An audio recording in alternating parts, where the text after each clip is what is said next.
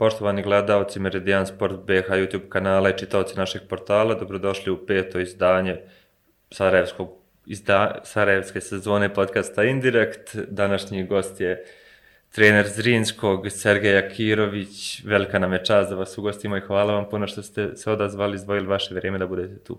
Pa hvala vama na pozivu i dobar dan svi vaši gledatelji. Nema na čemu. E, počet ćemo odmah od samog početka vašeg eto, života, pošto je usko vezan, odnosno izjednačen je sa gradom u kojem danas radite.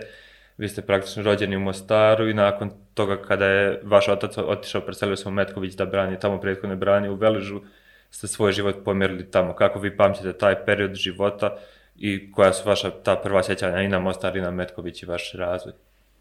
Pa dobro, ovaj, mog tate je cijela obitelj iz Mostara, mama iz Metkovića, kako je on dole se upoznali, tako sam se ja rodio u Mostaru, odrastao sam u Metkoviću, ovaj, sva većinu ljeta sam bar mjesec dana provodio u Mostaru kod strica i strine, kod pokojne bake i djeda.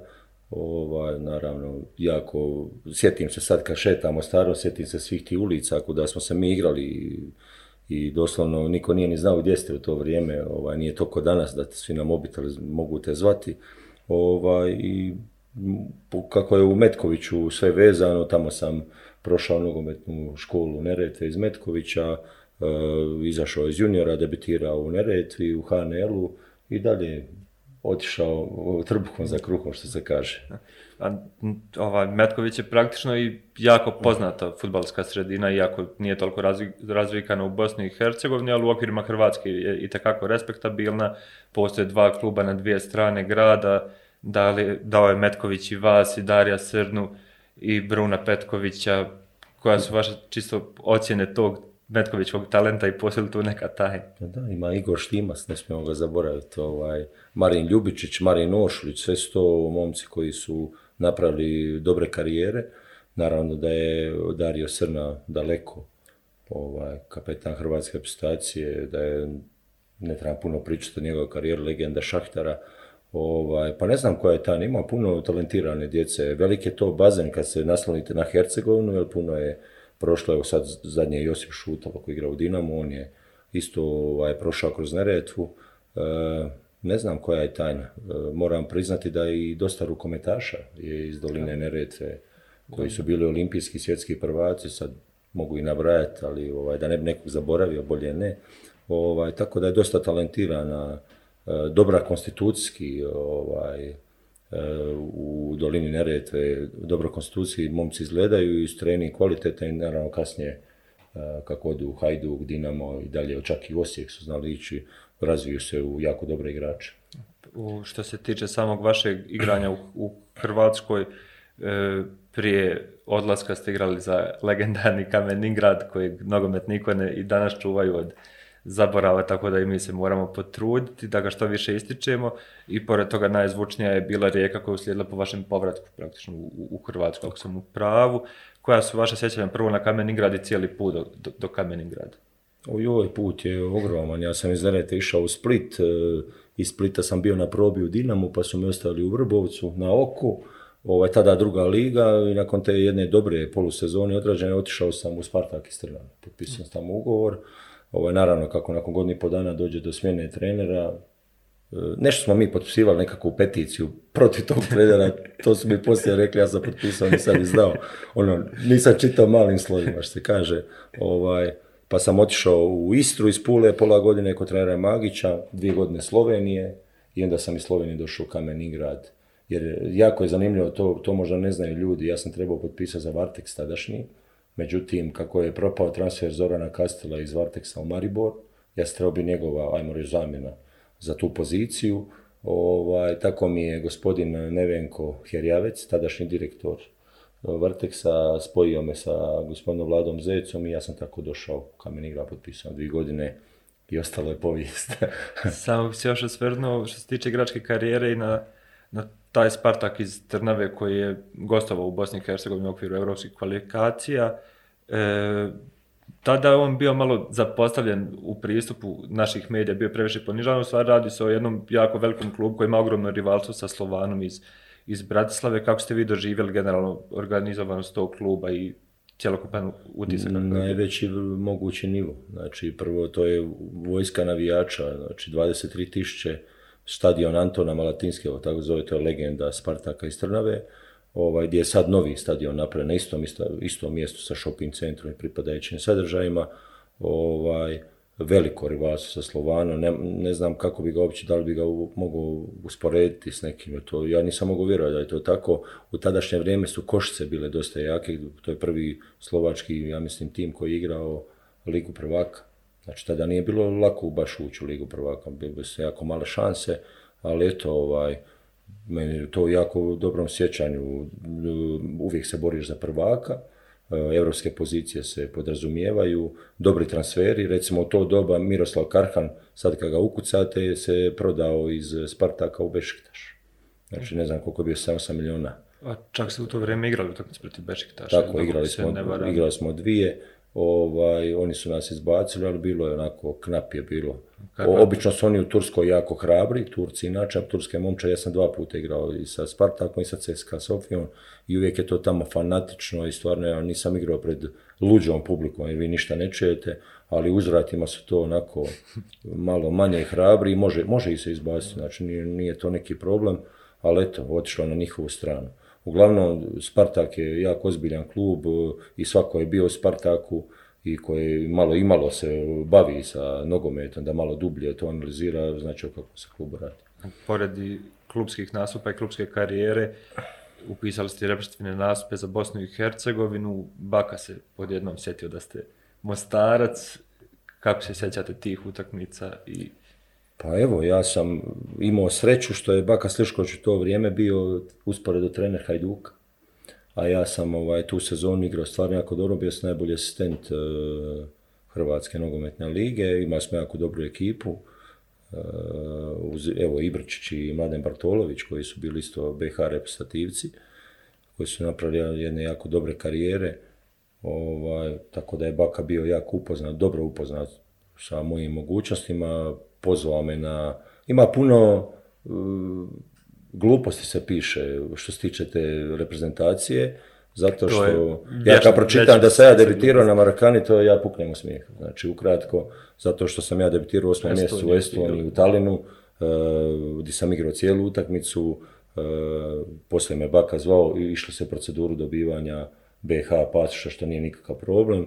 Brzo sam to dobio, znam da me Barbarez zezao, ti dok dobiješ pasoš, završit i druge kvalifikacije, on se malo, ovaj, ali dobro, to u toj momčadi je bilo dosta onako dobra atmosfera, dosta dobre zezancije i na terenu se znalo ko šta radi, ovaj, tako da me pozvao i deveti, i deseti mjesec, normalno, normalno sam bio normalan član i poslije tih kvalifikacija u drugom mjestu sam igrao u Dortmundu, tu sam protiv Japana ušao i peti mjesec kad smo išli na turneju u Iran, ja sam odgodio zato što sam petog se ženio, nisam mogao ići.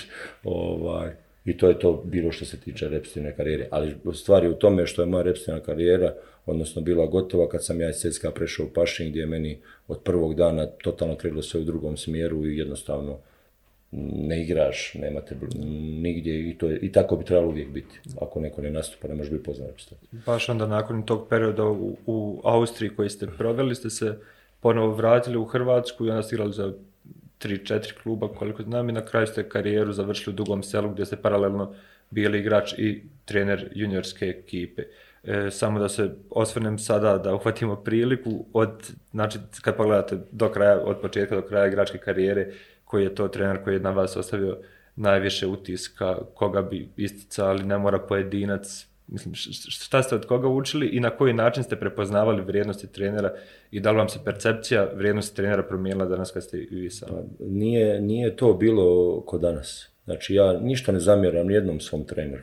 Znači, on je u tom trenutku radio najbolje što je mogao i koliko su mu bile dostupne informacije. Pa, prije ti, jedino što si sam vidio, mogao si ti e, za svoju ekipu utjecati na nju ili prenijeti na nju kako će trenirati. Mi smo, vi, vi ste svaki dan znali do, šta se točno radi. Znači imali ste tri boje, li nije to bilo kod danas scouting, tački treninzi, ajmo kreirati trening na osnovu analize protivnika, nema šanse. Znači, e, utorkom je uvijek bila ubijačina, znači trka, sve šta treba, ovaj, kažem, tri boje, mađarica, šuterski treninzi, e, dva na, jedan na jedan, dva na jedan, tri na dva, klasika, prekidi malo i to je to. Znači, trener što se tiče, imao sam jako dobre trenere. Pa od Neretvini trenera, e, preko Splitovi trenera, sad da ne nabraja, znači i bio je Miša Krstičević i ovaj, Bariša Majić i, i u školi kad smo trenirali Ivica Brečić, sad ne znaju ljudi ni Rajko Magić, Zlatko Dalić, Mile Petković, Nenad Gračan, Luka Bonačić. Luka Bonačić, puno, puno, puno trenera i kažem, i vi sve od njih uzimate ono što se vama svidi, ali svjestan sam ja da ja sebe moram stalno svaki dan nadograđivati, pa ne možete vi e, nogomet ima osnovne postulate, ali morate te taktičke, pogotovo taktičke stvari koje su danas na jako visokom nivou, morate, morate pratiti taj razvoj, a recimo što se tiče e, baš na mene koji ostaje na dojam najveći je Mile Petković koji je meni ajmo reći, ja ću reći otvorio mi oči, jer možda da sam došao prije u njegove ruke, možda bi ja još više napravio. Ali napravio on liko koliko si bio sposoban, nema tu, imaš svoj limit i to je to. Ali kad se malo osvrneš, igrao e, na najvećoj mogućoj razini, igrao si ovaj, prvu ligu, igrao za reprezentaciju, to je to. Da li tu mogla Liga prvaka, mogao kupu EFA si igrao. Sve, ja sam zadovoljan s tim ovaj, što sam postigao i, i naravno ovo sad kad se okrećeš se cijeli život si nogomet, okrećeš se trenerskom poslu, a da meni znaju danas moji prijatelji, bivši su igrači, reći e, ti kad si igrao, ti s nama govorio di šta kako, a, a to, je, to je nesvjesno. Ja znači nemam pojma nego da izađi ti na njega tamo, ovaj, vidiš da nam radi probleme.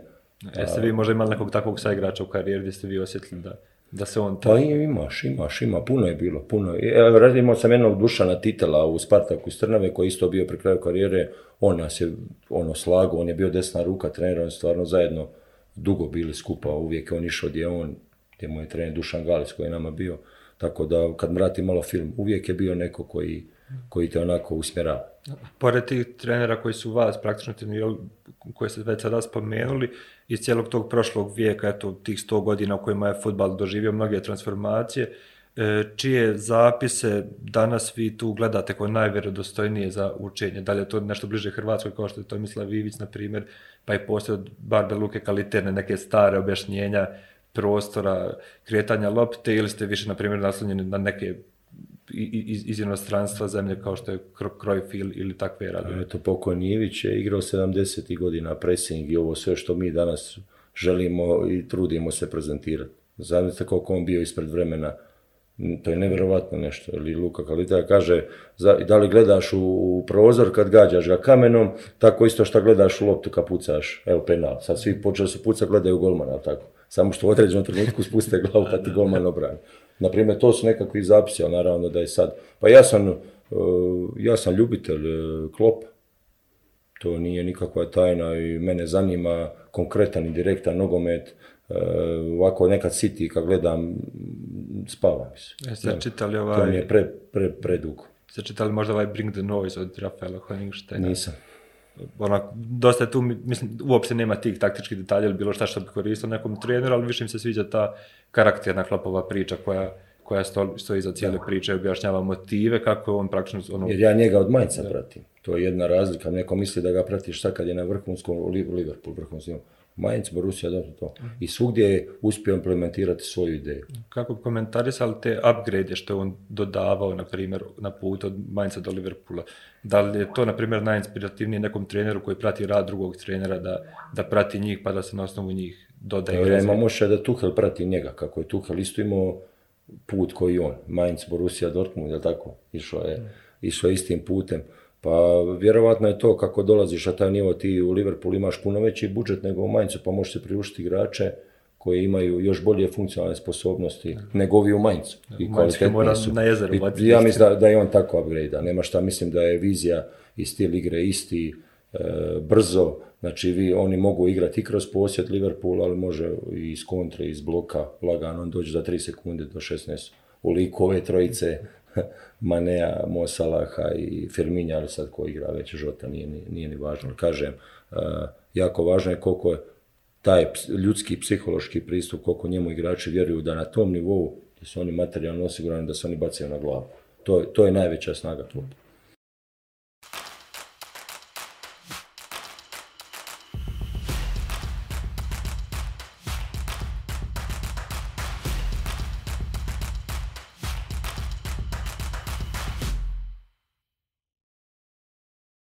Početak vaše trenerske karijere veže se uz drugo selo. Kako je uopće došlo do toga cijeli put i što se tiče edukacija i što se tiče samog dolaska u dugo selo?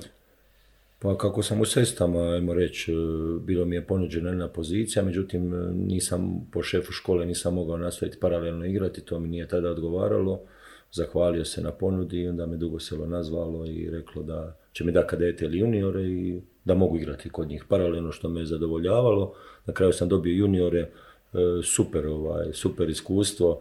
Jedino što ga se sjećam ja znam da, da mi je tadašnji šef škole Igor Kovačević rekao jedini je problem što nemaš golmana u juniorima. onda sam se dao potregu za golmana, doveo sam jednog dečka iz Sesveta i napravili smo dobar rezultat. Mislim, koliko god to juniorima se i gleda i rezultat, bili smo drugi u toj ligi središte. Ovaj, I nakon toga sam dobio poziv da se vratim u sestri, da preuzmem juniore, jer je njihov trener tada vam nešto otišao, e, tako da sam prihvatio taj poziv, vratio se nazad u sestri, tada sam bio sve do 2018. u omlanskoj školi Cesveta, e, bio sam jednu godinu 2016. 17. pomoćnik Denisu Bezeru i onda sam samostalno, dali su mi priliku 2017. 18. Vodio sam samostalno dok me nije Gorica pozvala mhm. kod sebe. Što se tiče edukacija, višu, kako imam višu trenersku, onda smo napravili ovaj, morali ste napraviti adaptaciju na, na nogometnoj, Hrvatskoj nogometnoj akademiji u Sestama ovaj, za UFOA i onda kako UFOA morate imati kroz komet, morate, se, ovaj, morate imati praksu eh, da budete licencirani s tom licencom. Eh, tamo sam bio, vodio eh, drugu ligu E, to mi je dobro što mi je išlo u staž, upisao 2018. UEFA Pro, e, završio to. Mislim da mi je rekao profesor Mihać da sam prvi i sam uspio to riješiti, ovaj, jer najveći problem je tu, ja mislim, stručna praksa. Da morate naći, ja sam je odradio u Maribor što je jako zanimljivo kod e, kolege Milanića, kojeg sam poslije naslijedio. To je baš dobra, ovaj, dobra ona, fora i tako da sam imao i te dvije godine kad vi završite EFA prvo ako nemate dvije godine u kometu ne, ne možete dobiti još licencu sve dok nemate tu trenersku praksu tako da mi se sve, sve lijepo posložno poklopilo i tako sam krenuo u Goricu. Kako pamtite taj prvi samostalni period? Meni je tu najzanimljiviji detalj taj da vas je Nikoličić u Goricu pozvao upravo zato što je gledao utakmicu protiv Sesveta i na osnovu tog kako vi pamtite te Sesvete koje ste vodili, kako je tekao taj cijeli cijeli period prilagođavanja na senjorski na futbal. Pa, pa dobro, puno mi je pomoglo što sam bio pomoćnik Denisu Bezer. Mi smo, on je isto iz Metkovića, on je moj susjed, tako da se, dugo smo se znali. Ovaj, on je, kod njega sam vidio kako se treba ponašati prema ekipi, prema e, pojedincima, kako on to lijepo sve provlače, da nikoga ne prozove, nikoga ne, onako sve ih dotakne i naravno rad koji je pa sličan je rad kao juniorima, jedino što je još intenzivnije. Recimo ti dueli su više nisi u svom godištu, nego igraš protiv 30-godišnjaka. Ovaj, mi smo imali dosta mladu ekipu, moja prednost je bila što su, ja sam vodio juniore 97. 8. godište u HNL-u, juniorskoj ligi, tako da su ti momci ovaj, izlazili i bili su mi ispod 21. godine, jer u drugoj Hrvatskoj ligi morate imati trojicu u prvih 11 koji moraju igrati minimum polovrijeme. To je ono što ja ovdje govorim cijelo vrijeme, da ne bi bilo ovog cirkusa mijenjanja nakon 10 minuta ili 15, bez obzira za razliku. Već kad mijenjaš mlado, ovak se uzlijedi, ubaci opet mlado. Ali promijenit će to valjda. Ovaj, tako da smo napravili dobar rezultat. Mislim da smo, da držimo rekord u posvojenim bodovima u drugoj ligi, to je 54 u 33 kola, što je bilo jako dobro. I namočili smo tri puta Goricu i vjerovatno je tu Nikolić bio kidač, mada ja znam jer je meni Niko poslije rekao, da sam ja bio, ajmo reći, treći izbor. Prije mene su bila dva trenera, što je sasvim normalno. Pa nisam ja bio imao ni u peti da će mene zvati prvo Liga Žgorica, jer sam mislio da ću možda još godinu dana bio sestava, pa onda ako se nešto otvori. Jer nije lako dobiti u, u prvoj Hrvatskoj ligi gdje je deset klubova priliku baš. Nije kao vi kao mladi nemate iskustva prvoligaško, to, to treba jasno ovaj, dati do znanja. Ali evo, je, predsjednik Črnko je nazvao, ja sam malo razmišljao kako šta, dok mi nije moja žena rekla šta s ti misliš. Kaže, nećeš, nije lako dobiti priliku, nema šta izgubiti, kreni radi, cijeli život si u tome i uvjerena sam da ćeš ti napraviti posao. Znači možemo odmah zaključak priče, uvijek treba slušati žene u pa životu. Naravno da treba slušati, samo mi malo u društvu muškom se onako šta će meni ona reći, ali bude ono, no, sve, Shvatimo zašto žene upravljaju svijet.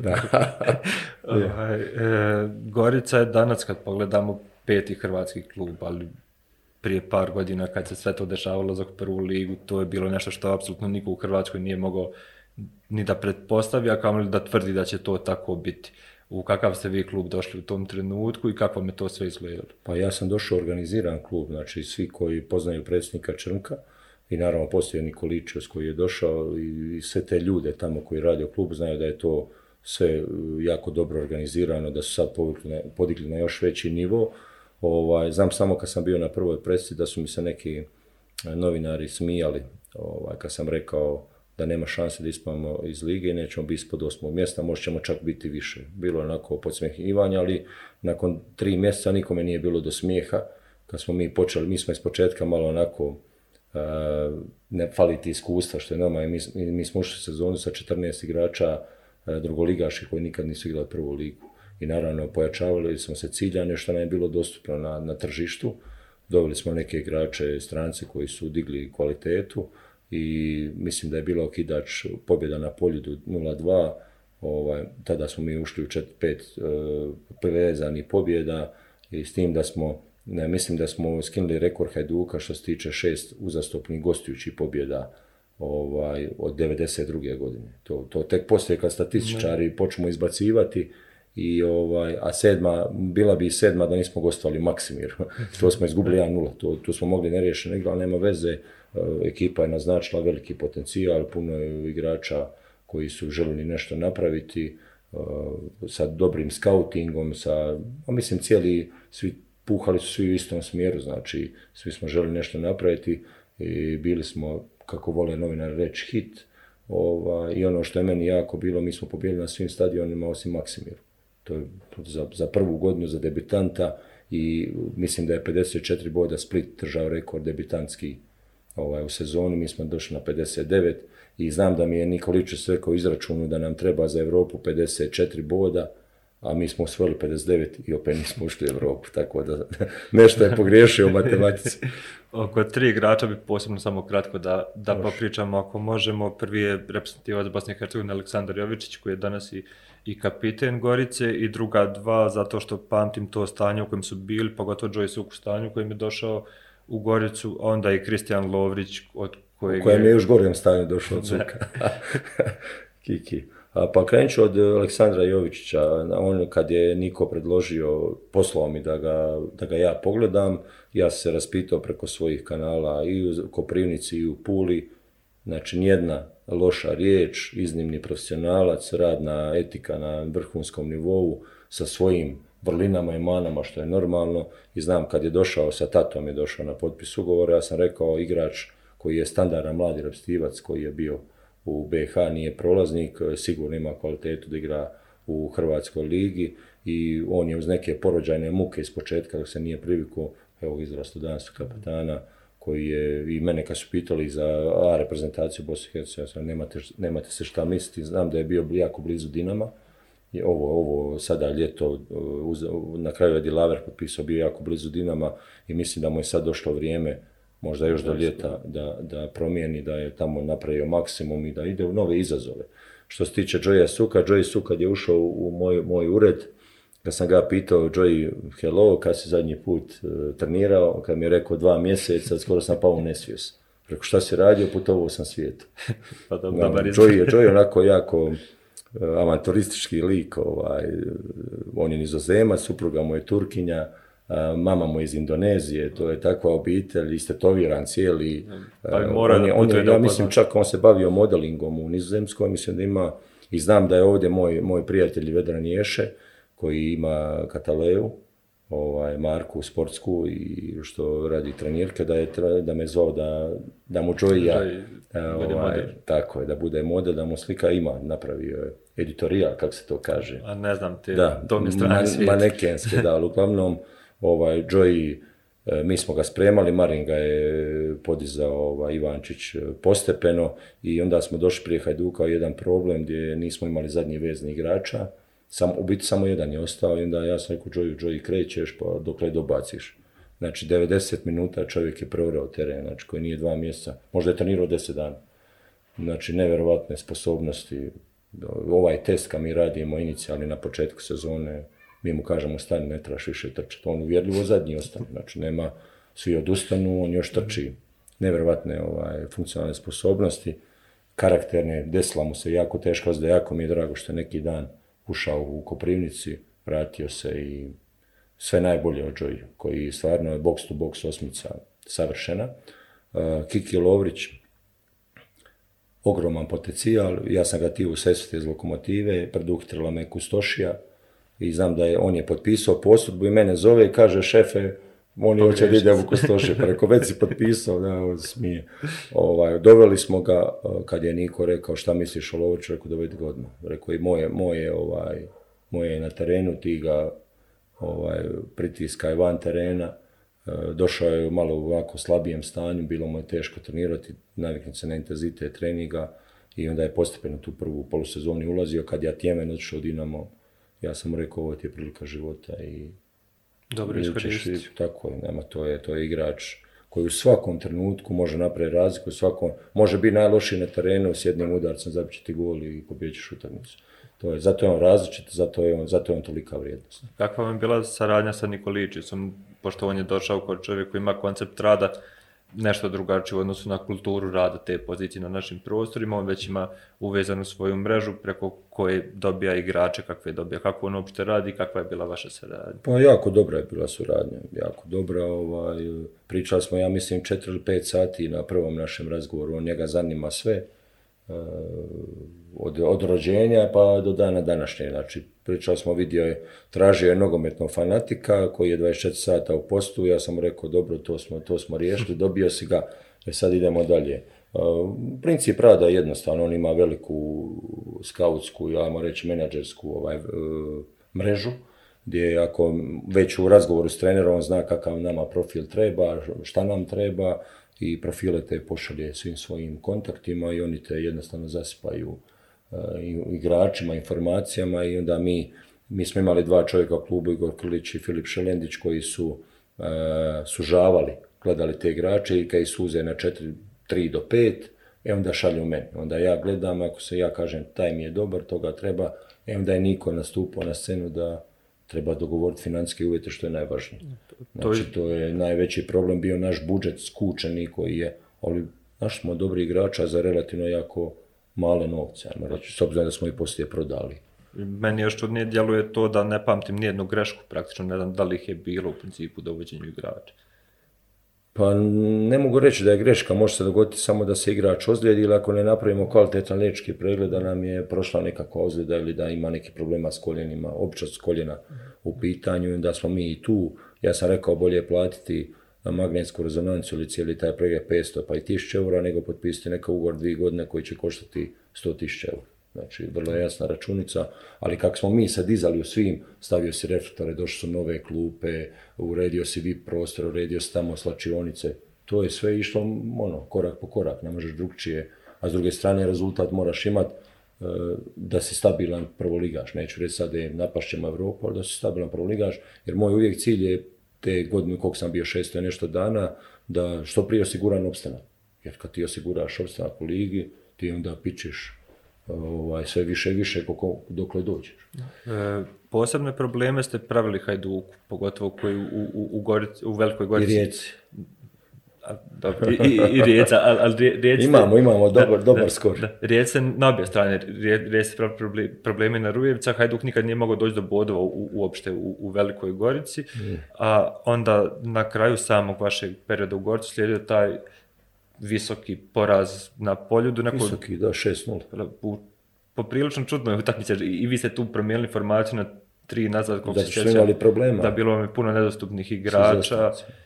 E, čak i penal Kalika, nećemo ga sad da je prema Hajduku, bio kako sećam, mislim da je bio na to utakmici, neozbiljno pričati o tome, ali Hajduku je praktično tu u prvih 20 minuta ušlo sve što je moglo. Stanko Jurić je, pa može se reći, poslije napravio transfer po toj utakmici, ako se sudilo po toj utakmici, kako se vi sjećate te utakmice i po meni puno bitnije pitanje e, da li se vama sudilo na kraju zbog jedne utakmice i pošto je slučaj da se nekim trenerima sudiš, kako je vaše mišljenje o tom? Pa ima razni teorija što se tiče toga sad, šta je istina, nema veze. Ja se razišao u jako korektnim odnosima, gdje i dan danas imam kontakte i sa predsjednikom i s predsjednikom Nikolićusom, da li je bio taj okidač, da li su oni procijenili da možda e, da je možda došlo do limita, do zasićenja, do ovog, do onog, to morate pitati njih. Ja sam samo rekao da je nama slijedi za 5 dana istra, da ćemo mi to pobijediti, jer smo mi izašli iz e, jako teškog rasprava, to je top 4. I odnosno ja sam po medijima postao žrtva svojih rezultata. Jer e, u dva kruga sa top 4 ekipe mi smo uvijek uzmali šest bodova, a tada smo uzeli samo dva boda. I sad da meni neko kaže e, ti si Gorica, uzet ćeš dva boda, to je tako. Ovaj, naravno da nisam ni ja bio zadovoljan ovaj, s, tim, s osvajanjem toliko malim brojem bodova.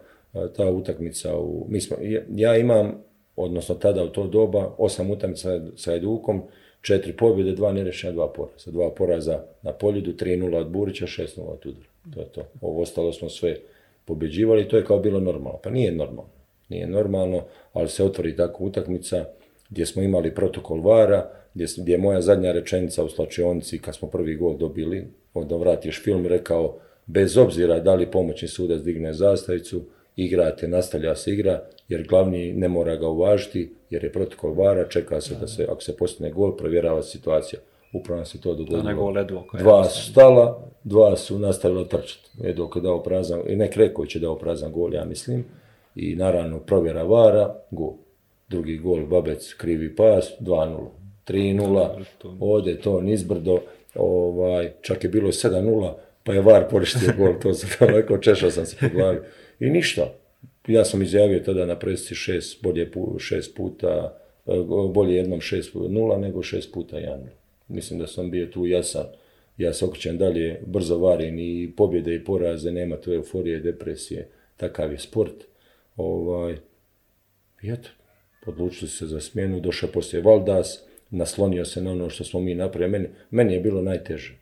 Znači, temelje te postaviti jer niko te nije ozbiljno svačao dok, dok nije krenulo to kako je, o, ajmo reći, nadogradio još, jer mi smo već u toj drugoj sezoni počeli imati bolji posjed i sve ono e, na čemu smo mi radili, a ne može to preko noći, ovaj, tako da je to još se nadogradilo i dobro, dobro se igralo, nastavilo se igrati, evo, ja kažem i dan danas se dobro igra, mada ostali su još nekakvi obrisi, igra, igrači su ostali neki, ali naravno da svaki trener nosi svoje, svoju neku filozofiju.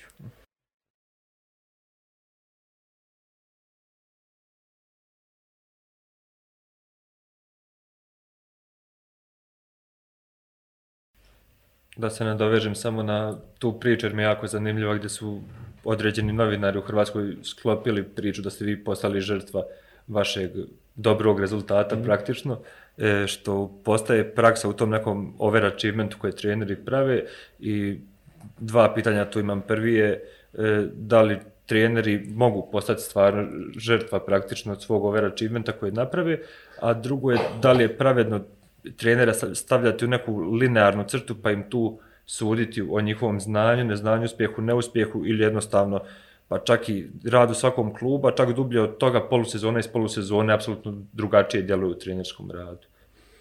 Pa zavisi sad, evo, mi smo sad, sad kad gledam ja Zrinski, imam osam pobjeda za redom, tako?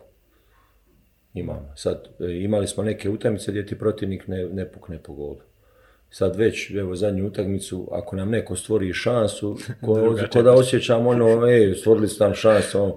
Stvarno se pričalo poslije utakmice kao, da. I, i, čujemo drugih ljudi dan poslije, pošto smo išli gledaš široki, široki već se priča kao ono, pa znaš kako, ne, mora možda zrinski baš i osvojiti titul, kao nije to kao toliko dobro. Pa, pa dobro, okej, svaki ima svoje viđenje, mi, ja znam šta mi radimo i koliko se dajemo, ali kažem, može ti biti Znači da ti doći ti poraz, doći, nema to veze. Najjače mi je kad mi kaže doći kriza, ma koliko, zašto bi došlo kriza?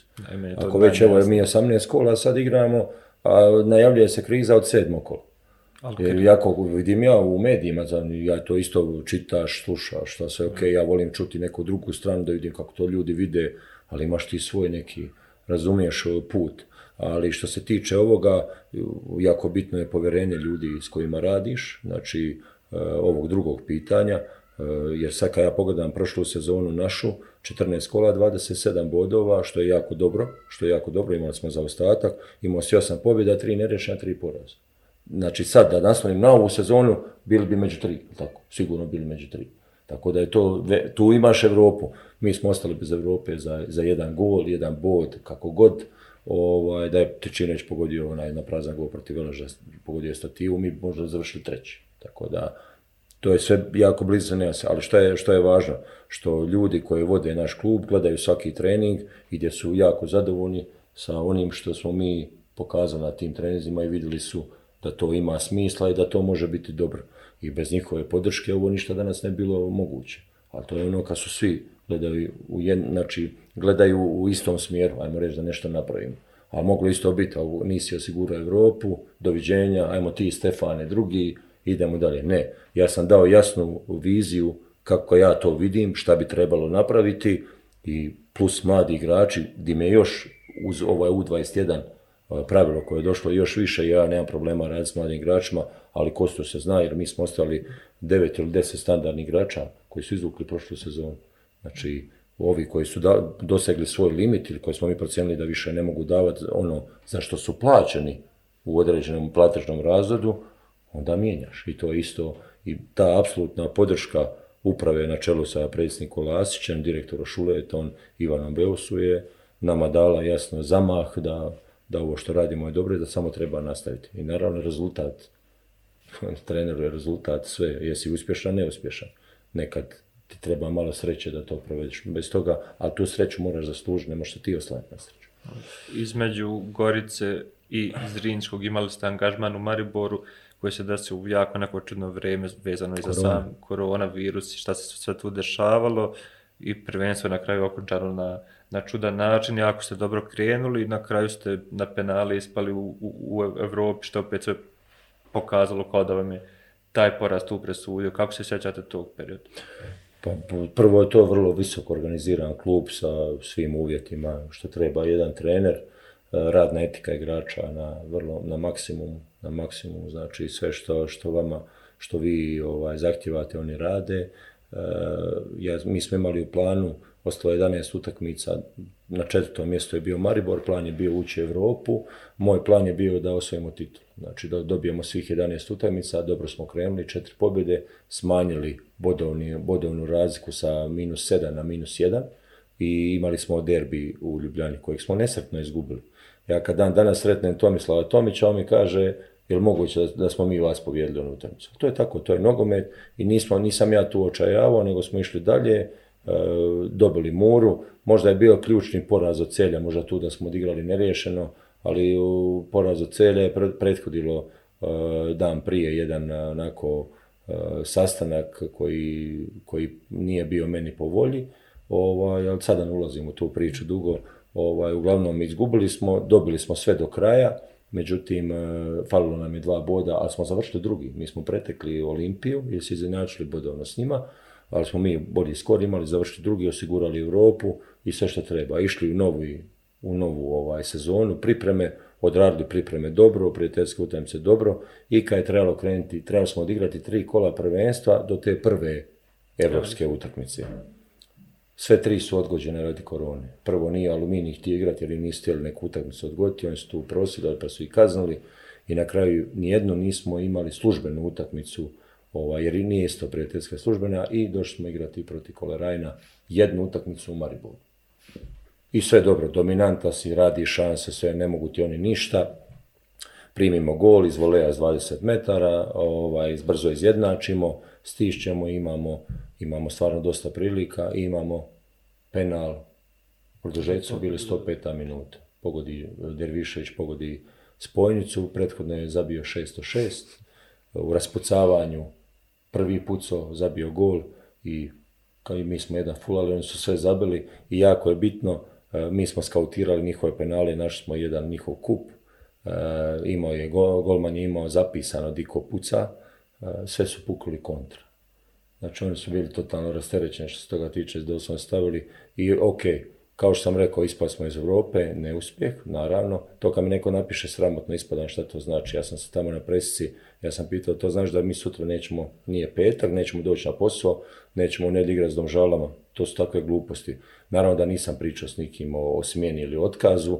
Ovaj, klub se nakon dva dana tako odlučio, ništa sve dobro, hvala lijepo, hvala puno na prilici, hvala puno na iskustvu i ideš dalje. ja sam e, spoznao tu neke stvari sigurno da, da ću ja profitirati iz tih stvari, ovaj, šta treba u određenom trenutku napraviti, ali evo i dan danas ja pratim Maribor, se, se dobro bore se sa opet za naslov. Rožman je bio iza mene Kamaranezi pa Rožman, sa svim onom kako se čujemo, sve smo razmijenili informacije, vidim da je i on brzo otišao, znači ispalo je u manje Znači ja sam bio četiri mjeseca, Kamranezi šest, Rozman šest, da se potrošio tri trenera, a na kraju ostaju isti problemi, ostaju igrači koje možda se treba napraviti dodatnu selekciju, svježu krv, bla, bla, bla, sve što treba, jer ti su igrači stvarno puno napravili, dvije lige prvaka, tri grupne faze, UEFA, deset godina si u klubu, treba malo ovaj, svježa, ali vidim sada im dobro ide, ovaj, bez obzira juče na poraz od Mure, ovaj, da će se boriti za prvaka ove godine, što je to normalno za Maribor. Ali ta jedna utakmica, to sam želio reći, jedna utakmica u Europi, možda su dvije utakmice, drugačije se pripremaš, ali nema veze, ideš dalje, što te ne ubio jače. Pred dolazak u Zrinski ste bili praktično u kombinaciji na sastancima za preuzimanje reprezentacije Bosne i Hercegovine gdje je bilo više kandidata, kako je to sve teklo na kraju i Vajlo Petrov postao selektor Bosne i Hercegovine. Pa teklo je, pozvali su, ovaj, znam da me gospodin Emir Spakiš zvao, Eh, da me pita jesu li zainteresirani da dođem na razgovor, naravno da sam zainteresiran da dođem na razgovor, bio je Vajlo, bio je Amar Osim, bio je hustro Musemić, to je službeno, što znam sad, u medijima bude milion imena, ali dobro, i ništa, ja sam se pripremio za taj sastanak, ako sam pratim ovaj, reputaciju inače, eh, imao sam nekakvu svoju viziju, naveo sam nekakve točke koje su jako bitne ovaj, da se prođu, da, da vidimo kakav je plan za budućnost, jer vi imate e, Edina Džeku koji ima određeni broj svojih godina koji morate tražiti alternaciju tu. Jako teško je Džeku nadomestiti, možda će proći godina dok se pojavi takav igrač, ali moraš već imati ideju šta i kako. Ovaj, da, bi, da bi pričao i o Premier Ligi i o igračima koji su, pa svi ti igrači koji danas igraju za reprezentaciju ponikli su u Premier Ligi. Ja kad kaže da treba biti baza Premier Liga, onda se smiju ljudi. A šta je smiješno? Znači, ako hrvatska reprezentacija 2018. imala samo Rakitića koji nije prošao kroz HNL, ako sad ove godine kad se plasirali u Katar imaju samo maloga iz Bajerna, pomozite mi reći, desnog beka, Stanišić. Mislim da sam bio dovoljno jasan. Svi su prošli kroz HNL. Tako i ovi igrači, oni se dokazuju u Premier Ligi. Neko te zamijeti, uloži u tvoj potencijal, odeš dalje, prodaš se, tamo se nadograđuješ, jel tako? I to je to. Pa i Menalo, i Gojak, i mali ovaj lončar, svi su bili tako, široki da. brijeg, željo, jesu tu potekli, jesu. Otišli u rijeku, Slavim Belupo, Lokomotiva, Dinamo, nije uopće bitno i sad su odjedno oni tamo super, a ovdje nisu bili dobri. Pa nije istina. Znači ja sam pričao tako, baš sam imao ovaj, jasnu ideju i vidio sam ja kako će se to razvući, sve ja sam rekao, ovaj, ja idem raditi, e, tu sam na raspolaganju, preuzet ću Zrinski i, Bože moj, ovaj, koga god vi izaberete, ja mu želim puno sreće i evo i Valjo je izabran i to je to, nema, nema tu puno. Ovaj, jako dobro iskustvo, mene je baš zanimalo taj razgovor, kako će teći to, jako dobro iskustvo. I na kraju da se vidim sa prijateljima koje dugo nisam vidio. Da li uopšte dajete prednost? Naprimjer, Zaboravio sam Barbareza reći, Barbarez je bio isto, da. E, pri razmišljanju o budućem angažmanu, da li tu dajete prednost repštivnom ili klubskom futbalu, vas uopšte nije briga, što samo ocjenjujete situaciju u kojoj treba da dođete? Pa naravno, pa dobro, ja sam Eh, ja sam već izjavljivao da četiri, ovo je meni četvrti klub, ja sam relativno mlad eh, što se tiče trenerskog posla i, što se tiče sad iskustva, mada vi imate svoje igračko iskustvo koje, kojem se vi prepoznate i to vam pomaže, ali trenersko iskustvo je totalno drugačije od igračko iskustva. Ti tamo kad si igrač razmišljaš o sebi, ok, i o ekipi, kako da se ti prezentiraš, da pomogneš toj ekipi, ali ja ovdje sad ja imam 30 ljudi ispod sebe, što je jedna velika obaveza odgovornost gdje vi morate donositi odluke nekad i u sekundi, na utakmici moraš donijeti odluku, ali moraš imati cijeli ovaj e, stožer ispred sebe koji, koji zajedno radite i sve ljude ispod sebe da ti ovaj, u ovaj određenom trenutku doneseš pravu odluku koja, koja će pomoći klubu. Kako ste vidjeli reprezentaciju Bosne i Hercegovine kroz ovaj kvalifikacijni ciklus i pogotovo ovaj završetak koji je to? E, stavio se taj akcenat na medijima i generalno javnom mijenju da je ovo nezadovoljavajuće, da li je ovo možda iz moje perspektive, na primjer, ovo neki oblik realnosti u kojem se mi nalazimo, kako ste vi vidjeli sve to i... Pa možemo pričati rezultatski da je, što su već i napisali, da je najneuspješnije kvalifikacija. Ali kad s jednom pobjedom imaš priliku otići u baraž, onda ostaje žal što je stalo sve to u jednu utakmicu sa Finskom. Jel tako? Znači, ovaj, ono što, je meni važno u reprezentaciji da se u svakom trenutku kad se objavljuje popis da se zovu najbolji igrači koji su najbolje forme. Znači, druga stvar je kad eh, slažete taktiku i varijante taktičke sustave, da svi reprezentativci koji su pozvani da ih stavite na prave pozicije koji igraju svojim klubovima da bi oni da maksimum i da se njima eliminira alibi. Jer ja kad gledam naše reprezentativce u svojim klubovima, oni su oni igraju dobro i oni su među glavnim igračima tamo. Onda kad došli u kod ne možeš prepoznati. To mi je, to mi je jako čudno. Ovaj, ostaje žal, zato što ja mislim da je e, kolega Petev probudio nekakvu iskru u reprezentaciji, vidjelo se to po izjavama reprezentativaca, vidjelo se da se, da se da daju sve od sebe ovaj, i pokazalo se E, ono što meni smeta je kad je izučena skupina, aha, Francuska je prva, Ukrajina druga, Finska treća, mi ćemo biti dole. Ja se uopće ne slažem tu. Ja smatram da je Francuska bila favorit i pokazao si da možeš i na Grbavici i u Francuskoj si uzeo bod da se može s njima igrati, možda čak i lakše nego s ovima koje moraš pobijeti. To je sad, stvar psihologije. Ali ovaj, o čemu pričamo, znači jer da li neko iz Bosne i Hercegovine je slab igrač od Ukrajinaca koji su u Pa, kad bi stavili na vagu ko u kojem klubu igra, ja mislim da prevaglo na našu stranu. Tako da ne treba se predavati odmah, ali kažem, eh, žao mi je radi Finske, ko da je loš dan, ko da su baš onako svi bili ovaj, indisponirani i jednostavno nije išlo. I sad ja sam već, kako izjavim, da li će Petev ostati ovo ono, pa dobro, sad ako će, ja, ja smatram da niko ne može u, sedam 7-8 utakmica promijeniti nekakvu sliku, to je jako teško, ako ćete gledati rezultat, ok, mijenjaj, ali ja mislim da čovjek može voditi još jedan kvalifikacijski ciklus da mu se da i bože moj, onda, onda, onda mu možete suditi.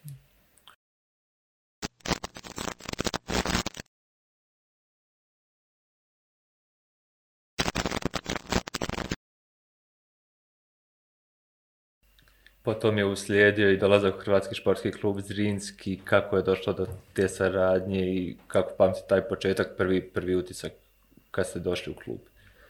Pa, kontaktirao me gospodin Šulenta, obavili smo jedan razgovor, onako isto malo duži, 4-5 sati.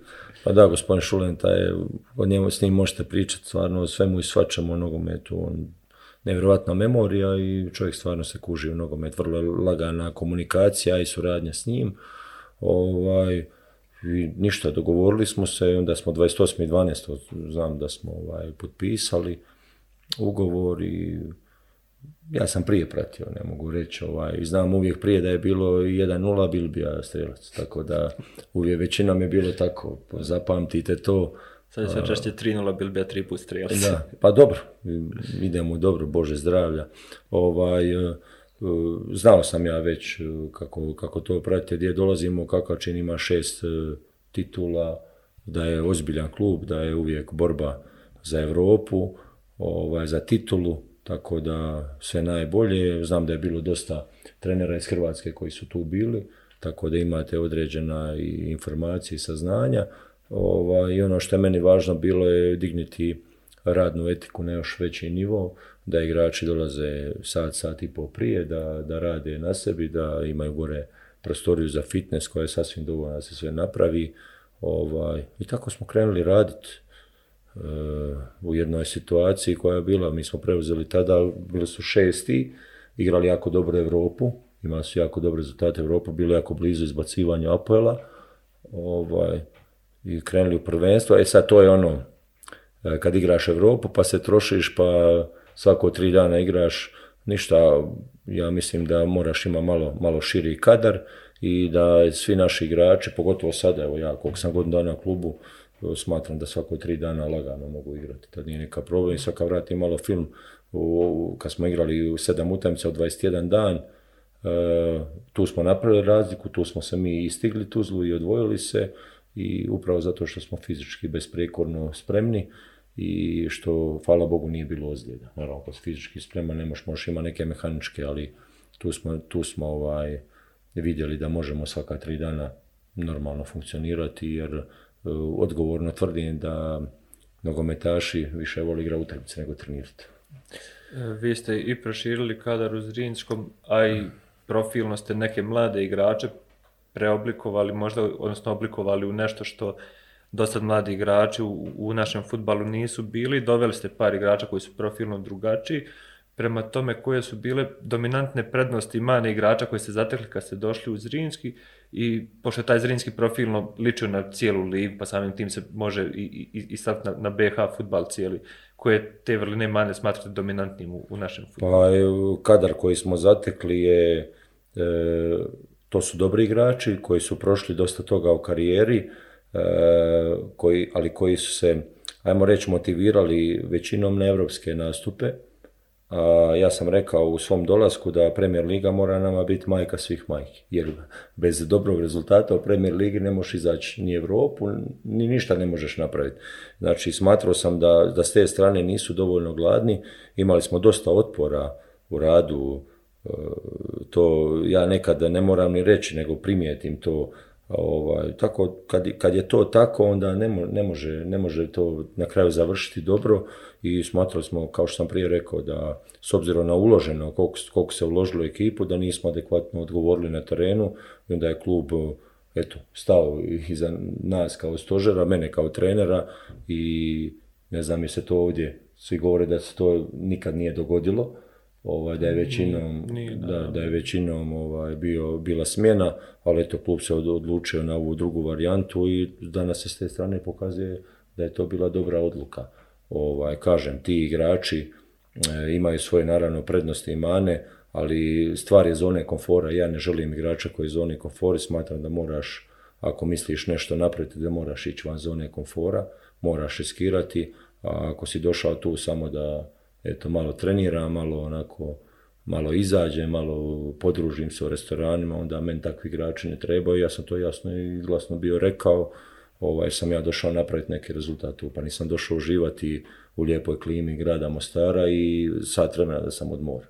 Znači, vrlo jednostavno rečeno i tako smo i složili ovaj, ovaj put roster, e, pogotovo kad smo e, kad je izašao, izašlo pravilo U21 BH državljanin, da smo se truda, da smo se ovaj, e, posla da dovedemo i mi imamo 10 igrača u 21 BH državljana koji u svakom trenutku mogu uskočiti. Naravno da se neki isprofiliraju, naravno da se Bašić i Savić isprofilirali, a recimo Bašić je igrao i prošle sezone, pa ja ću reći standardno, pa ovaj, dvije drugogodište dijete koje, koje je naznačilo potencijal, iako je meni neki skupi ili stari igrač u, rangu Li sa Bašića, povijek igra Bašić. Ne zanima s te strane ko se kako zove, samo je teren mjerilo i da li možeš ispunjavati zahtjev. Savić je došlo vrhunski dvije godine Goška i on je pravi pokazatelj kakav put treba imati igrač kad izađe iz juniora, jer ne možeš odmah, jako teško odmah igra u Zrinskom, da se razumijemo, zato što je tu uvijek se očekuje pobjeda, uvijek se očekuje dobra igra, veliki je pritisak, Pogotovo neke utakmice jako je velik pritisak, to tek kad si unutra vidiš, ovaj, tako da je on, eto njih dva se stvarno ovaj, pokazali, na pragu su ja reprezentacije, tako da stvarno su napravili dobar posao, ali kažem ima tu još Šipovac kojeg smo koristili, kojeg je zaustala sad ozljeda iza Veleža, mjesec dana je izgubio, ovaj, bio mali gađe koji je onako toplo hladno, isto tako pojavi se korona, pojavi se ovo, kažem, ima, ima tu igrača koji, koji uvijek mogu ovaj, uskočiti i mi radimo na tome. Ja, ja gledam često utakmice i federalne lige i pratim i e, Republike Srpske ligu, pratim i drugu ligu Hrvatsku, čak i treću ligu. Bio sad za vikend na Bio sam, da, bio sam eretvanac, Jadran sam gledao, imamo naša dva igrača dole Šilić i Bošnjak, uvijek možete nešto vidjeti, zašto ne dati priliku, pa mi kao klub ne, ne možemo ništa izgubiti na tome. To nisu sad nekakvi ugovori, znači prvo želim da je igraču čast kada zove Zrinski, drugo to je stepenca ili dvije naprijed i imaš priliku da svoj potencijal, da, napraviš nešto od svog potencijala. Vi ste, znači- spomenuli, Klopa, Klop je e, e, prije par godina spomenuo Regnika u nekoj svojoj izjavi kao rol model ponašanja, sad u ovom periodu kada je on preuzimao Manchester United, Miho Topić je na Telesport izbacio kolumnu u kojoj citirao Regnika iz neke 2015. godine, mislim sa izjavom da je najoptimalnije potpisivati igrača kojim je to maksimalno treći ugovor u životu jer je tad najgladniji i da je prema tome samo iskustvo precijenjeno u futbalu jer puno više znači taj igrač koji može svojom agresijom Glad, želja za dokazivanje i njegova moć. Apsolutno se slažem. Pa evo, ja mislim da se i ove sezone je to kod nas pokazalo ti moraš ima kostu, znači moraš ima ideju. Mi smo puno dobili sa Hrvojem Barišćem, kojeg smo doveli, gdje pati na Marin Magdić, pati nam, jer ja sam imao totalno drugačiju ideju da će ja to rotirati, da to ovo, i tako je bilo u razgovoru. Međutim, kad vidiš kako Jakovljeć, Barišić igraju, to je uža obrana da se primio sad da je samo šest golova, mada ja za ova zadnja dva gola baš me naljutilo kako smo ih poprimili, ali nema veze, mora nešto je protivnik napraviti.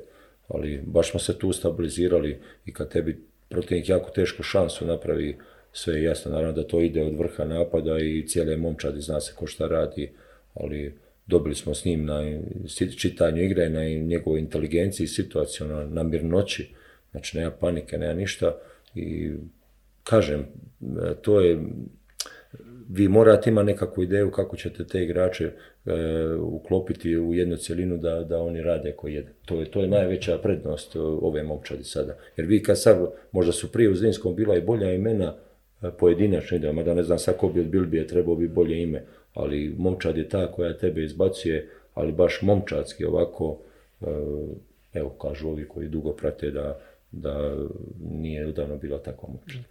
Koliko vam je vremena trebalo kada ste upoznali kadar da sklopite taj plan za sva četiri momenta igre, pa i taj peti u kojem ste poprilično dobri ove sezone?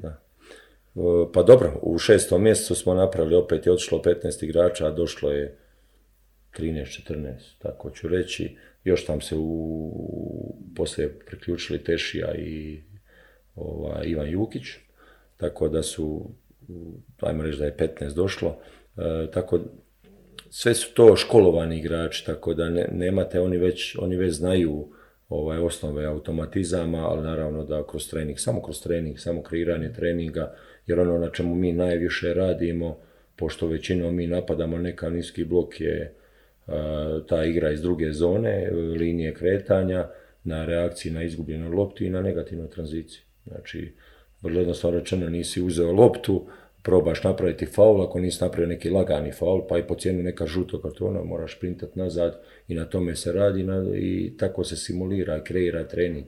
Znači probamo u sustavu koji igra protivnik iskreirati kroz cijeli tjedan, obično je to utorak, srijeda, tu se posvetimo, Tački po četvrtak, petak je e, doslovno hodanje, završnica, svježina, i tam prilutam se prekiti, naravno, ali kreiranje treninga na osnovu na osnovu onog što smo mi u nekoj analizi ili skautingu protivnika vidjeli, koje su im dobre strane da to probamo spriječiti, anulirati i gdje možemo slabe točke iskoristiti da, da, ovaj, da ih pobjediš.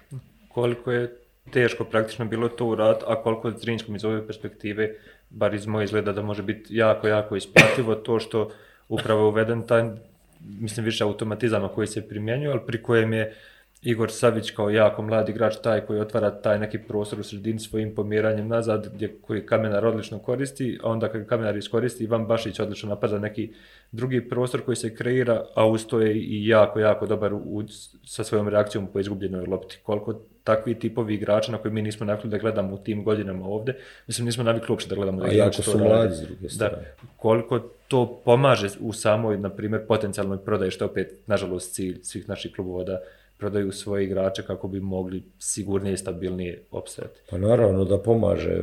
Prvo, e, ja kad vidim da koliko sad ljudi dolazi na naše utakmice i ljudi koji, su, koji se bave e, menadžerstvom koji su ozbiljni, etablirani ljudi, znaš da imaš nešto zanimljivo, a to je meni bio i cilj, jer godinama nije niko dolazio kad imaš gotove igrače, 28, 30, 32 godine, neće niko to uzimati, mi moramo se krenuti tome da bi, da bi opstao na tržištu, jer ko će to sve isfinancirati, ali sam isto tako jasno neki dan rekao da ove transferi 100-200 tisuća eura, nek zaborave, to više neće, neće biti jer to nama ništa ne može puno pomoći. Ovaj, to mora biti pravi transfer jer s druge strane gubiš ozbiljnog igrača koji je standardan, ozbiljan mladi igrač, znači moraš ga dobro unoći da bi mi mogli opravdati tu njegovu prodaju a ne da ga puštamo bagatela ili za nešto sitno. To, to ne dolazi u obzir. S druge strane, ako uspijemo do kraja sezone izvući da si, e, ja ću reći prvi, da si u Europi, ti, tebi postoji e, da to nadoknadiš. Naravno da je rizik, ali da nadoknadiš kroz e, prolaske pretkola i daj Bože da se plastiraš konferencijsku ligu, ti si tu već oko 5 milijuna eura zaradi, Znači, matematika je jasna. Naravno, sad će reći, joj, treba proći, pa naravno treba proći, ali ko ne riskira, taj ne profitira a to da bi uspio moraš zadržati momčad na to ne sada ideš u raspredaju. A imali smo iz prošle sezone mi primjer kad je Sarajevo prodalo dva najbolja igrača, daleko najbolja igrača statistički, pa kako je završilo? Koliko, kaže, ne znače dva igrača, pa znače. Znači, nije to lako nadoknaditi. Tako da mi s te strane pušemo na hladno. Sve ovo divno, krasno, hvalospjevi, sve, ali ja točno znam i ovaj, moji igrači i svi u klubu, E, da samo treba raditi i ići utakmicu koliko god to izlizano zvučilo. Znači, dok je matematika u igri, sve je moguće i treba sve napraviti, izgurati maksimalno do kraja što se može. Nema opuštanja, mislim da se razumije. Pa to me često pitaju. E, kako je ustrojen vaš sam stručni štab i kakva vam je komunikacija sa trenerom mlađih selekcija, odnosno sa omladinskom školom Zrinskog. Jeste tim zadovoljni?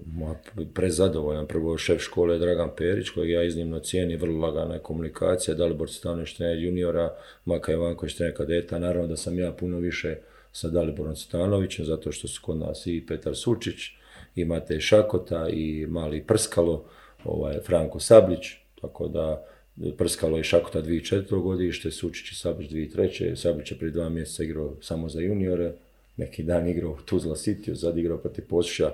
Znači, tanka je linija, ono što ja njima govorim, da odjednom postaneš važan član profesionalac, imaš mlaci, znači ti si u prednosti jer moraš, moraš početi, i znači samo treba šati i slušati što se govori, nema nikakvog letenja i ono što je meni jako važno, što ja uvijek pitam trenera juniora, kad i damo juniore kako su bili, kako su igrali, jer ako mi počneš glumiti odmah ideš nazad i doći neko drugi moraš biti zahvalan, moraš biti svjestan da si dobio priliku, da moraš i za juniore i za seniore raditi isto. Znači, nema razlike.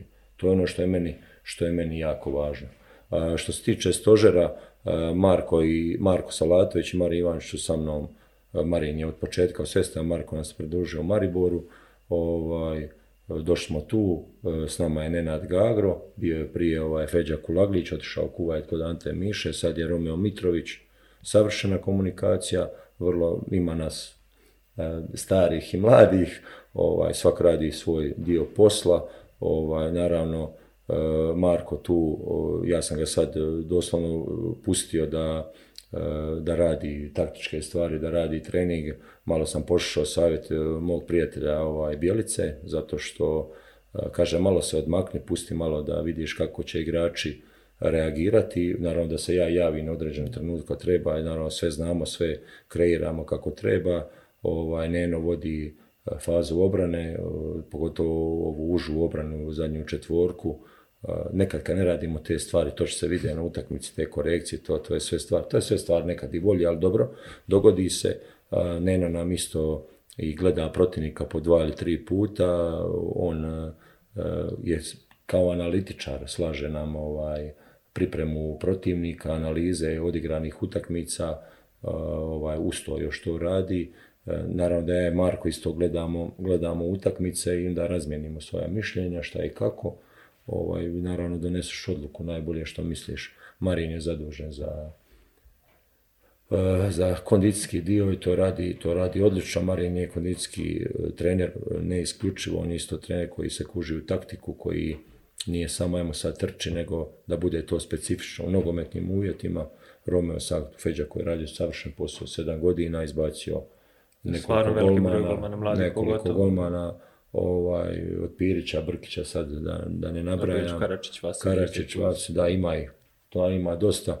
Romeo koji je apsolutno ajmo reći, e, prirodno i zasluženo dobio priliku jer je bio u mladskoj školi, sasvim je prirodno da ga naslijedi i evo radi, radi dobro, imamo tri dobra golmana, Ovaj, tako da, eto, tako funkcionira, nema šta. E, znamo se mi i malo i razmijeniti mišljenja i svaki ima svoje, ali u konačnici ja sam tu da presječem i donesem odluku za koju mislim, ali nisam tvrdoglav, nisam mogu i saslušati, poslušati, nije problem nikav i e, budu, budu nekad u pravu. Oni budu u pravu, ovaj, ali to je tako, zato i što sam, kažem, do, onoliko si dobar koliko ti je dobar stručni stožer, ukratko. I mora biti povjerenje, nema skrivenih namjera, nema ničega. Ja e, nekad, e, ako propustim trening, ako sam u Zagrebu pa dolazim popodne, ja sve znam što je bilo na treningu. Tako da, to je to povjerenje i znam da će biti sve tip top. E, je, to je, to je, to je naša najveća prednost.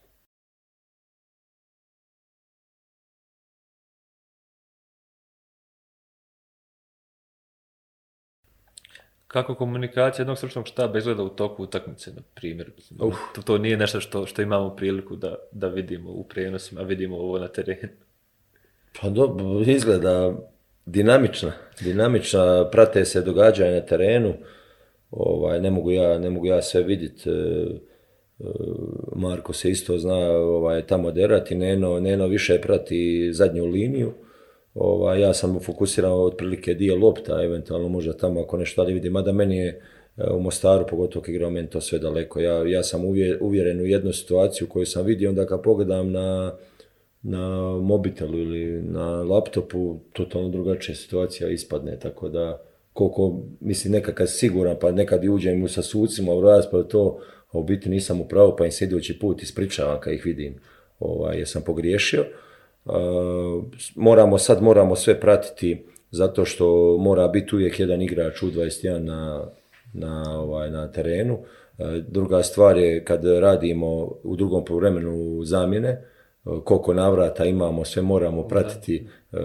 Imamo čovjeka, Darko je tu, kad je Darko samo na klupi ili sin njegov i onda brojimo, ali oni su koncentrirani. Ovaj, sad je bila situacija kad je Savić izlazio protiv posušja, pa sam ja htio Ovaj, ubacili smo Tešiju, ali imali smo samo jedan projekt i dva igrača možemo zamijeniti. I da sam ubacio Tešiju, e, ne bi mi bio igrač U21. Mi smo uvijek navikli da nam baš Savić igraju jednu cijelu. Ovaj, I onda smo reagirali su i ubacili smo Šipovca. Dobro smo napravili jer U21 možeš možeš izgubiti tri boda recimo, eto na tu grešku i tu moraš biti koncentriran jer to je stvarno... E, pa izgleda ma umoran si, ti si jako istekljen iz utajmice.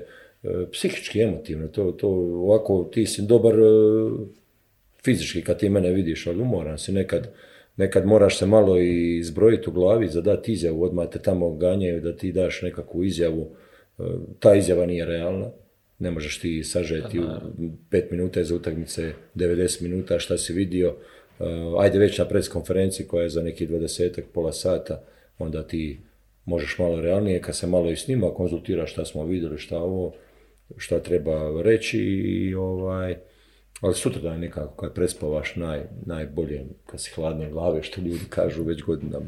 Tako da, ovaj, ali komunikacija, kažem, dinamična i zavisi od događanja, znate, ima puno nogometnog folklora. Imaš neka situacija kad kažeš takve gluposti, da, ja sam već govorio o Hrvatskoj, kad sam bio u Gorici, ja kad sve vidim na, na televiziji, ja kažem sam sebi, ti nisi normalan šta ti radiš, a to traje 3-4 sekunde. To je, to je takvo stanje. To je adrenalin, puls i onda ti bude poslije žao, ali dobro, to svi mi treneri i cijeli ti stafovi tamo i igrači na kraju krajeva svi odemo normalno s terenu. To je tako, svak želi pobijediti, ta želja je prirodna i tako to treba biti. ja smatram ako nema emocije i tenzije da ne treba se uopće baviti bilo kakvim poslom. Ne znam, to, je, to je moje, sad možda ja griješim, ali tako ja to vidim. Spomenuli ste već tu energiju kao specifično stanje uma i tijela čovjeka tako. koji odnosno energiju utakmice same, koji doživljava tu utakmicu, pogotovo oni koji žive za to i od toga. E, da li se ona, na primjer, razlikuje po ligama u kojima ste do sad bili? Da li, da li postoji neka energija koja je pretežna ili je to jedna stvar iz utakmice u kako se ona razvija? Iz utakmice u utakmicu, ali nije ni, ni, ni Slovenija, ni HNL i ovo Isto je. To je kako ti emitiraš. Ja želim prenijeti dobru, pozitivnu energiju na moju momčadi. More, moraju oni vidjeti da si ti isto fokusiran, koncentriran, da nisi pocijenio ni jednu utakmicu, ni jedan trening. Mora biti. Naravno, na trenizima ima i kad se mi šalimo i ovo i ono, ali boga mi kad se radi, radi se. Znači, isto utakmicu nema, nema pocijenjivanja jednog protivnika. Znači, isto pripremamo utakmicu i za najveći derbi ili derbi u ligi i i kad smo igrali kup u Svatovac Poljice, evo sad ne podcjenjujem klub, nego hoću reći, s obzirom kad, kad igramo te kupove, kao to su niže razredni klubovi, ali koji te mogu iznenaditi. I to je već bilo puno puta u nogometu ovaj, da te iznenadi, tako da mora bit, ti moraš biti ozbiljan, znači tvoj pristup, ali ja smatram da sve ide od energije, ako ti je loša energija, ne možeš ništa napraviti, taj energija plus pristup, naravno s taktičke zahtjeve, plan igre koji ti imaš za određenu s obzirom da govorite o tome šta vi predstavljate igračima, odnosno šta im dajete, pa energetski šta morate, koje je vaše mišljenje, koja je uloga trenera u današnjem futbolu? Pa dobro, sve zavisi u kojim državama radite. Znači, danas vi kad gledate Paris Saint-Germain, onda kad ja čitam šta je Tuhel neki dan izjavio, da je on ko ministar ovaj, sporta bio. Znači, dođe ti rodbina od igrača, sad ti od Neymara dođe rodbina, sad šta šti s njim? ti se moraš prilagođavati, ali to nije trenerski posao. Znači, trener je onaj koji odlučuje, trener je onaj koji kreira treninge, koji želi napraviti nešto s tim, e, sa igračima, rezultat sa klubom, e, naravno što, što da si što uspješniji, jer kažem opet, imaš kao malu firmu po sebi, 30 ljudi, ima hijerarhija u klubu i ti si tu da sprovodiš ovaj, e, ideje i nekakvu koncepciju kluba. Znači, to je trener. Samo što danas e, ima svega na našim prostorima, ali ja sam rekao neki dan, mi smo, znamite sad da mi imamo svoj kamp, da imaš svoju infrastrukturu koja je tip top, da dođeš lijepo na stadion, ne, smočiš se, znači dođe ti 10-15 tisuća ljudi, imaš hibrid teren, da ne gledam ove scene od jučer što smo vidjeli da su ljudi kod vaterpolo igraju i sad mi tu nešto očekujemo. Ja isto kod trene nešto očekujem, a realno to nisu nogometni uvjeti u kojima igrač ili trener ili momčad može pokazati pun svoj potencijal. To, su, to je ko se bolje snađe. Znači nabi loptu. To, to nam fali, ali mi smo u tome kraljevi improvizacije, mi se zato dobro, dobro snalazimo. Znači ja ću napraviti trening i sa dvije lopte i sa pet kapica. A možda ona je tamo u Njemačkoj ili Engleskoj će reći ja nema ni otiće iz kluba. Pa to je tako. Ali kaže ima danas ima i utjecaj menadžera, ima ga, ima, sve zavisi s kim radiš u klubu, ima razno razne, ali ti si tu koji na kraju moraš se postaviti. Sve je do tebe kako si ti postaviš. A, ne znam, ja smatram da, da ja e, u svakom trenutku nastojim biti ispravan. Ispravan, znači pošten i da dobije svak svoju priliku i evo ti teren i pokaži. Znači moje najmanje što je ono što ja nisam imao u Austriji da ti ne daju na teren. Znači doslovno ti ne daju na teren. Znači ne, izvoli na teren, pokaži se, je to prijateljska utakmica, da li igram s Bilbijom ili s Jakovljevićem ili igram s nekim četvrtim, ne zanima me, igraš za Zrinski. Znači igraš za svoj klub, izvoli pokaži zašto se plaća. E, s obzirom da je futbal igra u kojoj se jako rijetko ili gotovo pa nikad ne, ne ponove dvije identične situacije, koliko zajedno sa svojim stručnim štabom možete iskontrolisati utakmicu, koliko radite na tome, koliko se to koji postotak utakmice bude na kraju iskontrolisan i koja je to bila, na primjer, ove polizone u Premier League koje su do sad najviše iskontrolisali, odnosno da se dešavale stvari kakve ste vi predviđali da se na terenu dešavaju. Bila je Željo, Sarajevo, Rudar Prijedor, pa čak ću reći sad i Tuzla City u, u Tuzli, gdje smo mi simulirali situacije e, na osnovu njihovog sustava, E, jako teško je kad vi imate svoje automatizme, jer mi imamo ciljanu i neciljanu grupu i oni, se, i oni rade isto koji ciljana grupa. Zarotiraš ih i moraju raditi jer će oni u određenom trenutku upasti u momčad ili će ući u utakmici, pa mora znaš šta se radi. E, nema smisla bude u klubu, uopće pa, igrati tako. Pa naravno. Onda smo, znam da smo pripremali za Sarajevo e, da će nam izaći 5-4-1 u fazi obrane ili 3-4-2-1 u fazi napada Ovaj, ali je Goran tu utakmicu izašao 3-5-2, klasični ili 5-3-2, kako god hoćete, sa Ahmetovićem i Vodulom u Špici, u, kod nas u Mostaru.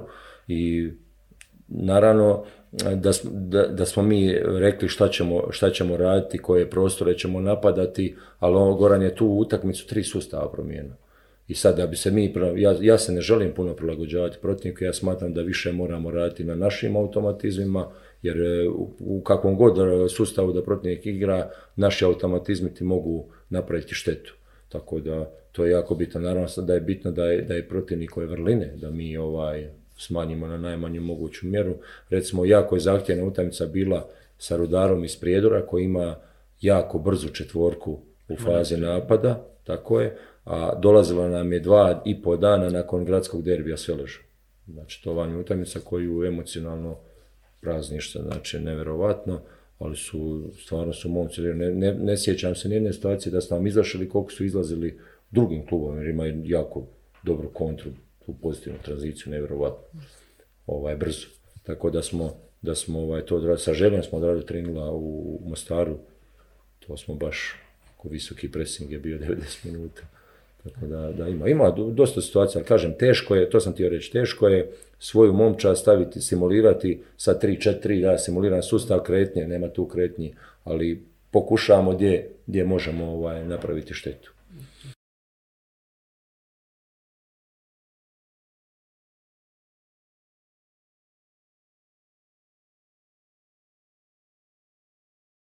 Koliko ima tih simulacija situacija iz igre koje vas čekaju na utakmicu ili koje se možda desila vi nije se odvilo onako kako vi da vaša ekipa reaguje, koliko ih praktikujete često na treningu, da ih pretvarate u situacijni trening prema tome i koje od te igre tu najteže sprovesti? Pa ima dosta situacija. Mi, e, baš kad imam, ako profesor Talović kad zamoli, nazove da održimo recimo nekakvo online predavanje, onda obično bude tema ovaj, posjedi negativna tranzicija ili nekakvog bloka pa pozitivna tranzicija, pa smo mi vadili, pošto znamo neka snimiti ovaj, taktički trening, tako da imamo tog materijala da mogu lakše je kad, kad, pa kad grupa vidi vizualno onda, nego da ja samo usuvo, usuvo pričam, nešto niko ne sluša dulje od pet minuta. Ovaj, tako da dosta radimo, radimo sigurno dva put jedno ovaj, na našim automatizmima. E, pa ne znam, ima, ima nekad stvarno situacija e, kad kroz utakmicu prođu jako dobre, ima neka situacija kad previše onako ne koristimo dobro među prostore gdje stvarno ne kreiramo dobro među prostora, smatram da bi to mogli ili trebali još, još bolje raditi. E, tako da s treningom uglavnom sve, sve ovaj, ispravljamo ili popravljamo, nema, nema druge i naravno jako je bitno da, da pokažeš igračima ovaj, u analizi utakmice gdje se moglo šta. Opet je tu prepoznavanje igrača samoga i njegova situacionalna inteligencija kako on vidi.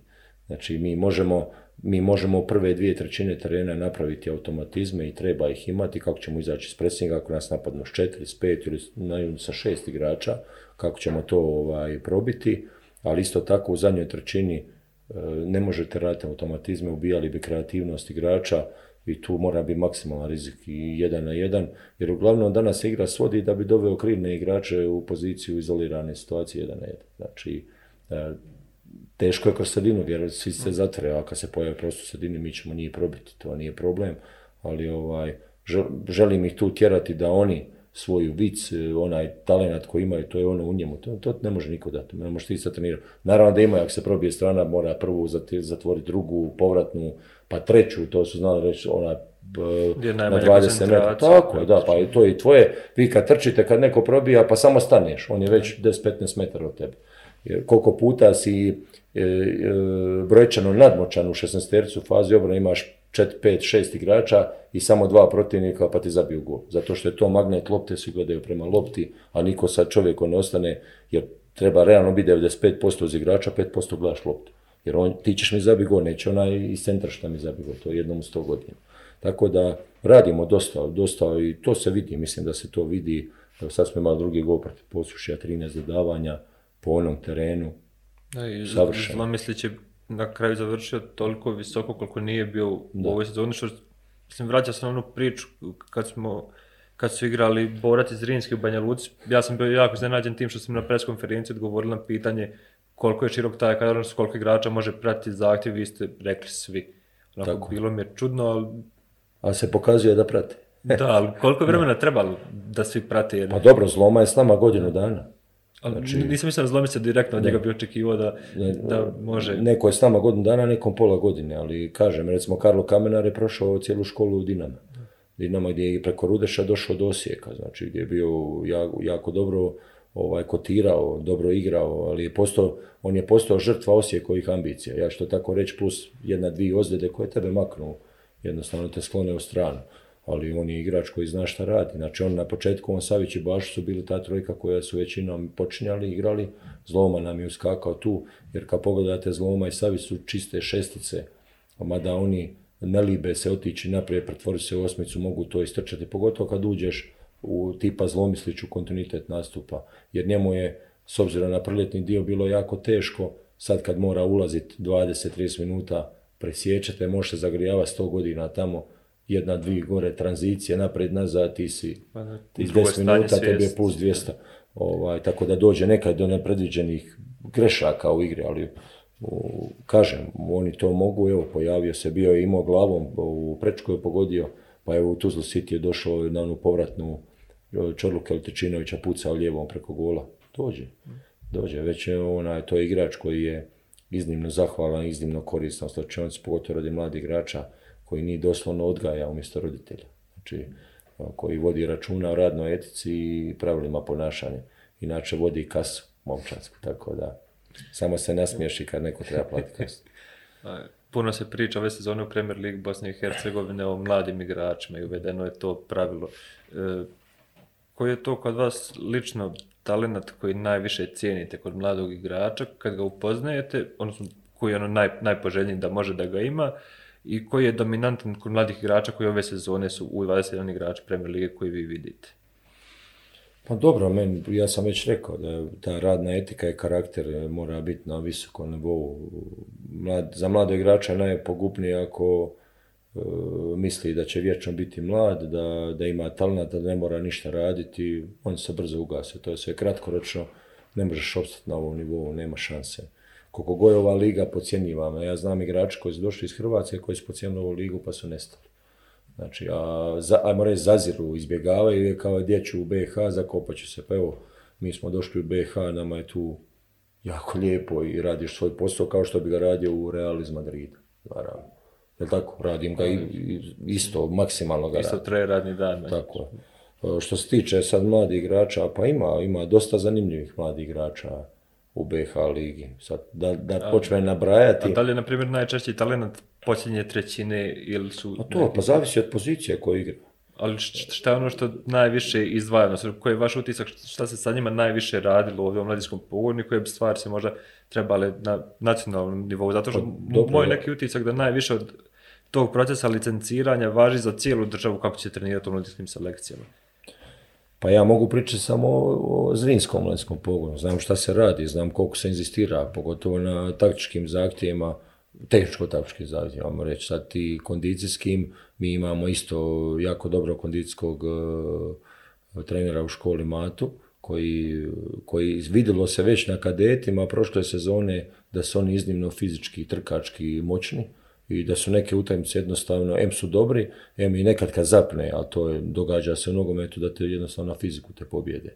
I oni su sad to samo prebacili u juniore, to je ta generacija 2004 u, mješavina sa trećim Oni, ja sam rekao, vi ćete opet biti prvaci jer jednostavno to tako ide. Oni su već imaju, navikli su na intenzitet rada. Inače, najveća e, caka je u intenzitetu rada.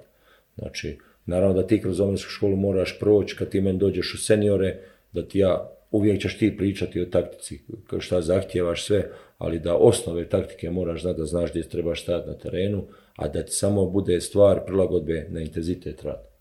Znači to je što bi svaka omlanska škola trebala raditi. A ja sad ne znam, nisam pa upoznat. Ne radi, mislim, pa nisam upoznat, ne rada da. Ali ja mislim da se pogotovo ove sezone vidi da već neki igrači su, evo i kod nas je debitirali, naravno, daleko je to od gotovo igrača, ali evo, ja najmanje što mogu napraviti da pokažem tim igračima iz omlanske škole put, da se može doći u seniore bez ikakvih problema, samo ako si normalan na tom Samo trebaš biti normalan i ovaj, slušati šta ti treneri govore i kad dođeš kod nas da si fokusiran na to i da možeš, da možeš na kraju krajeva sebi osigurati život, ovaj, pa, egzistenciju. Jako pogotovo, pogotovo danas, znači ja smatram da ako si pola godine normalan da si možeš osigurati egzistenciju. Danas, u današnje dobu. Znači sve ovo što imamo, ovaj, platforme, Insta, Twice, Scout, znači pa ti se ne možeš sakriti, pa svaka utakmica na televiziji. Pa da zamisli prije mi smo bili na televiziji samo ako si igrao s Hajdukom iz Dinamo. Nema šanse da te neko prenosi. A ti danas gledaš sve u regiji. Znači koliko je to postalo globalno ovaj, puno, puno bolje. Pored tih mladih igrača koji su onako dimenzija Zrinskog kojega izdvaja između ostalog je i ta dimenzija po kojoj ste bolji je i postoji taj slučaj gdje ste vi jako dobru stvar napravili sa dovođenjem igrača iz druge HNL u klub. Koliko je u principu druga HNL bazen i koliko je zbog e, te ogromnog financijskog jaza između klubova iz prve i, druge HNL lako dovesti igrača u, u, Premier Ligu, odnosno lakše se mogu ispoštovati ti financijski zahtjevi igrača od strane bosansko-hercegovačkog futbala i koliko mislite da on neiskorišten i koju vama prednost taj posvećeno što ste vi kad bi bili slobodni i bez angažmana provodili, mislim znam da ste gledali puno tih utakmica i sad odete često, pratite i ovdje naveli ste niže liga, odnosno koliki je taj bazen koji se ne vidi s obzirom da su Premier League godinama vrte isti igrači po, po klubovima, a postoji to nešto što je dostupno, što se u vašem slučaju pokazalo kao pa, da ne sudim kvaliteti, po kvalitetu, ali solidna alternativa može čak i bolja od onog što je bila prije. Pa zato što ima, prvo kako živim u Zagrebu, pa imaš puno kontakata, pratiš sve te lige. Ovaj, nije to nikakav problem, pratiti, vi imate na televiziji puno. Pa da, ovaj, drugo, ja sam bio u sustavu ZNS-a, to je najjači savez u Hrvatskoj, eh, gdje sam vodio, bio u, u, ajmo reći, u stožerima selekcija koje smo vodili 97, 98, 99, 2000 godišta Znači, tako da, da jako puno, evo, Malekinušć je bio kod mene na selekciji, na primjer koji je tada bio u Dinamo, Znači gdje puno igrača je prošlo kroz e, e, selekcije, gdje vi kad birate oni 20 koji će na kraju igrati za vaše središte, pa puno prođe. Pa ne mora on biti u Dinamo da bi bio kvalitetan, da bi tebi mogao tu pomoći. To su gluposti. Znači može igrati, može se razvijati dobro, možda i bolje u nekom drugom klubu kako konstantno igra. To je isto jako važno. Druga stvar, ima puno igrača s korijenima BH. To je jako važna činjenica jer tebi mlad igrač ako nije BH držan ništa ne vrijedi tu. Naravno ako je neki ekstra talent da će ga uzeti. E, otežavajuća okolnosti HNL. Znači ako ga želi prva liga, meni, su dva igrača tako otišla, sve smo bili dogovorili, otišli su, ostali su u Hrvatsku. To je ona priča, joj idemo u BH to ne znaju oni dok ne dođu ovdje. Sad kad dolaze ovdje, kako su sad neki bili tipa Juranovi, sad je došao Malik Inušić, što su, što su dobro se pokazali i sad kad njih zovu, e sad kad oni kažu, e sad je to postalo zanimljivo jer ovo jako puno ljudi prati. Ovaj, ja od kad sam u Zrinsko jako puno mojih prijatelja prati, ovaj, poznanika javljaju se, znači to je isto dobra reklama, PR, dobar, i naravno kad se go mogućnosti ja pričam kako je. Pa naravno da svi vide da nama fale hibrid tereni i ovo što Jure Ivanković uče izjavio, apsolutno se slažem. Pa nema tu napred kako se u to ne ulaže. I treba napraviti sve i stisne da se to napravi. Jer bit će 50% bolji, bolji nogomet. Bio sam u Gorici kad je 2018. došao hibrid, prva ga je Rujevic imala. Pa to je to drugi nogomet. Znači, ti samo brineš kako ćeš zeznuti taktički tamo svog kolegu, a ne brineš hoće li mi skočiti, hoće mi, da ne kažem sad nešto, neki izraz. Ovaj, uglavnom, e, smatram da je tim igračima dobra stepenica za dalje, skrenuli su, znači pratim samo igrače koji imaju kontinuitet dobrih nastupa, ne da mi bljesne, pa to to ne pratim. Ovaj, druga stvar, e, njemu je iznimna čast da dođe, dolaziš u prvu ligašku momčad, e, još kad tamo on ukuca, kad vidi... Klub sa šest trofeja. Tako da si u izlogu, da je bilo i transfera koji su ljudi otišli, onda, onda sad, mislim da će sad biti lakše, mislim da ćemo se sad morati braniti od igrača ovaj prelazni rok. Nadam se da hoćete Hoćem, prvo već je počelo. nastavite s tim, s tim tempom prije svega predstavljanja dobrih igrača i uobličavanja dobrih igrača jer smo svi prezadovoljni tim što radite u ligi. Samo bih još jedno pitanje postavio, s obzirom da ste spomenuli napredak Hrvatske lige kroz terene. E, spomenuli ste bez nekog stavljanja akcenta na to da su prijenosi druge HNL, pa čak i većeg broja utakmica treće HNL Tako. i juniorske HNL, nekad i kadetske HNL i kadetskog kupa i pionirskog kupa su TV prijenos. Koliko to fali futbalu u Bosni i Hercegovini gdje praktično svako kolo, ovo je bilo drugo kolo tek u sezonu da smo imali sve utakmice u prijenosu, uvijek, znači ne možemo gledati Trebinje, nekad, sad nećemo vjerovatno za vikend moći gledati Posuši i Rudar koja je poprilično interesantna utakmica, trebalo bi da To je jako važna utajmica za oba kluba i odmah ide insinuacija, aha, bit će nešto, nešto, aha, ko će sudi, ko će ovo, to je tako u narodu. Znači, zašto ne prenositi, zašto oni manje vrijedni, meni to glupost. Znači, Koliko vidite tu razliku, jer mi ovdje često ističemo kao glavni problem reprezentacije Bosne i Hercegovine taj što u odnosu na Hrvatsku, pošto hoćemo da se merimo sa reprezentacijom koja je druga na svijetu, eh, mjerimo se kroz to da Hrvatska ima kult reprezentacije. E sad, Hrvatska ima i sve ove druge stvari što sam nabrojao, znači sve te prijenose svih tih selekcija i te terene, koliko nama je u principu i to potrebno da bi krenuli na Pa eto koliko, pa nama da je potrebno, pa sve to, pa sve je bitno što kaže Čiro Blažević, ima reklamu, sve je bitno, sve je bitno. Znači to je sve diglo ovaj kult i reprezentacije Hrvatske, pa kult i HNL lige, jer sad vi bilo kojeg igrača ovdje da pitate hoćeš preći u lokomotivu, Slaven Belupo svi prešli. Znači on na kraju krajeva Hadžić je otišao s Hiroš je otišao u Osijek, sada ne nabrajam. Znači, da, i Mato Stanić u Rijeci. Mato Stanić u Rijeci, Marić u Lokomotivu, Cipetić, sad mogu, Stipo Marković prije, svi su se oni pokazali dobrima, znači, ovaj, sve treba prenositi, pogotovo sad kak je došla korona, pa su live streamovi su većinom, sve, svaki live stream kad smo u karanteni, sve što mogu gledam gledaš treću ligu, neki dan sam gledao Goški retvanac utakmicu, naletio sam na nju, pogledaš, jer nema ništa u tom trenutku na televiziji. Ako nešto uvijek bude dobar komentator. Pa bude dobar komentator, da, pogotovo iz HNTV-a, to je spektakl, ali to je to. Znači, moraš raditi sve, pogotovo u današnje vrijeme, po pa ovo 21. stoljeće, po čem pričamo. Ali to je stvarno, to sam primijetio, pet utakmica će se prenositi, šesta neće. Šta je, Zašto je ova manje vrijedna? Pa tom tamo treneru igračima nije manje vrijedna. Meni čak ta vrednija od tri koja se igraju to kolo. Ali... Pa, to je jako zanimljiva utakmica. To je jako zanimljiva utakmica. Ali evo, i pokazalo se i tamo u poslušu da su nogometni uvjeti su fantastični, s obzirom na godišnje doba, i možeš igrati nogomet. Znači, o čem pričamo, ono. Nego, nego ovaj vaterpol smo čekali za kraj ćemo morati završiti jednim ovim kliše pitanjem šta očekujete od druge polusezone. Od druge polusezone? Pa očekujem prvo da se da dobro da završimo bez ozljeda, da se dobro odmorimo. Ovaj, dosta kasno nam kreće prvenstvo s obzirom na regiju. Ovaj, 26.2. kreće prvenstvo, Hrvatska kreće 28.1. Znači mi ćemo krenuti polovicom prvog mjeseca pripreme, a ovi će već igrati generalku, ali dobro. I to je to je stvar terena. Znači, stvar terena.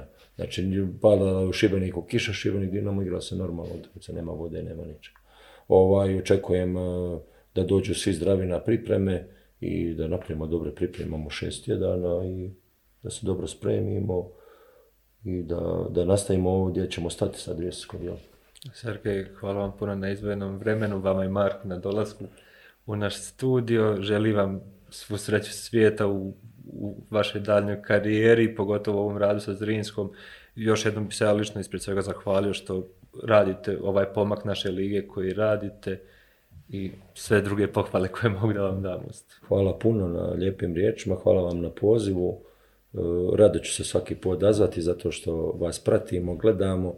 Ovaj, uvijek se može nešto, nešto novo naučiti iz vaših analiza i pripreme. Hvala vam puno.